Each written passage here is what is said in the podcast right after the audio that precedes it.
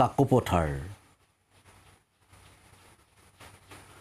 প্ৰকৃতিৰ সৌন্দৰ্যৰে ভৰা জাতি জনগোষ্ঠীৰ মিলনভূমি উজনি অসমৰ পূব প্ৰান্ত অৰুণাচল সীমান্তত অৱস্থিত এখন বিপ্লৱী ঠাই কাকপথাৰ। ইয়াৰ পুৰণি নাম কাকতল। প্ৰাচীন সমাৰপীঠৰ অন্তৰ্গত মৰাণসকলৰ আদিম ৰজা বদৌচৰ ৰাজধানী কাকতল। বিভিন্ন জাতি জনগোষ্ঠীৰ সংস্কৃতিৰ মেটমৰা সম্ভাৰেৰে গঠিত এখন বৰ্ণিল ৰামধেনু যাৰ নাম কাকপথাৰ।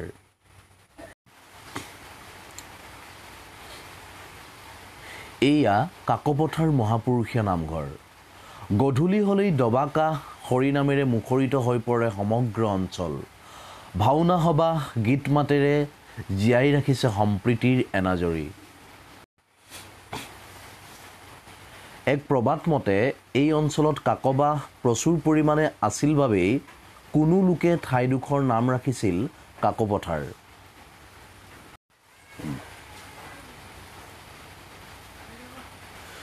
কৃষকৰ হাতৰ পৰশত এতিয়া ভৰ যৌৱনা পথাৰবোৰ। পথাৰবোৰত এতিয়া খেতিয়কৰ সীমাহীন ব্যস্ততা। কোনোবাই যদি হাল বাইছে কোনোবা কঠীয়া তুলি ভূঁই ৰুইছে। আকৌ কেতিয়াবা জাকৈয়াৰ খিলখিলনিত পথাৰখনে উন্মাদ হৈ পৰিছে।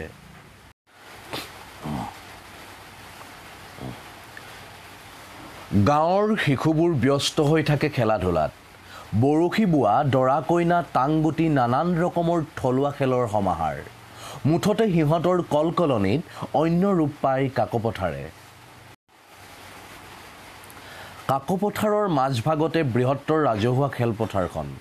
মৰাণ জনগোষ্ঠীৰ ঐতিহ্যমণ্ডিত ৰাতি বিহুৰ থল এই খেলপথাৰখন।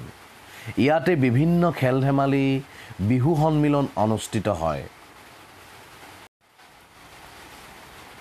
ইফালে চাহ বাগানবোৰে কাকপথাৰক সোণত সুৱগা চৰাইছে।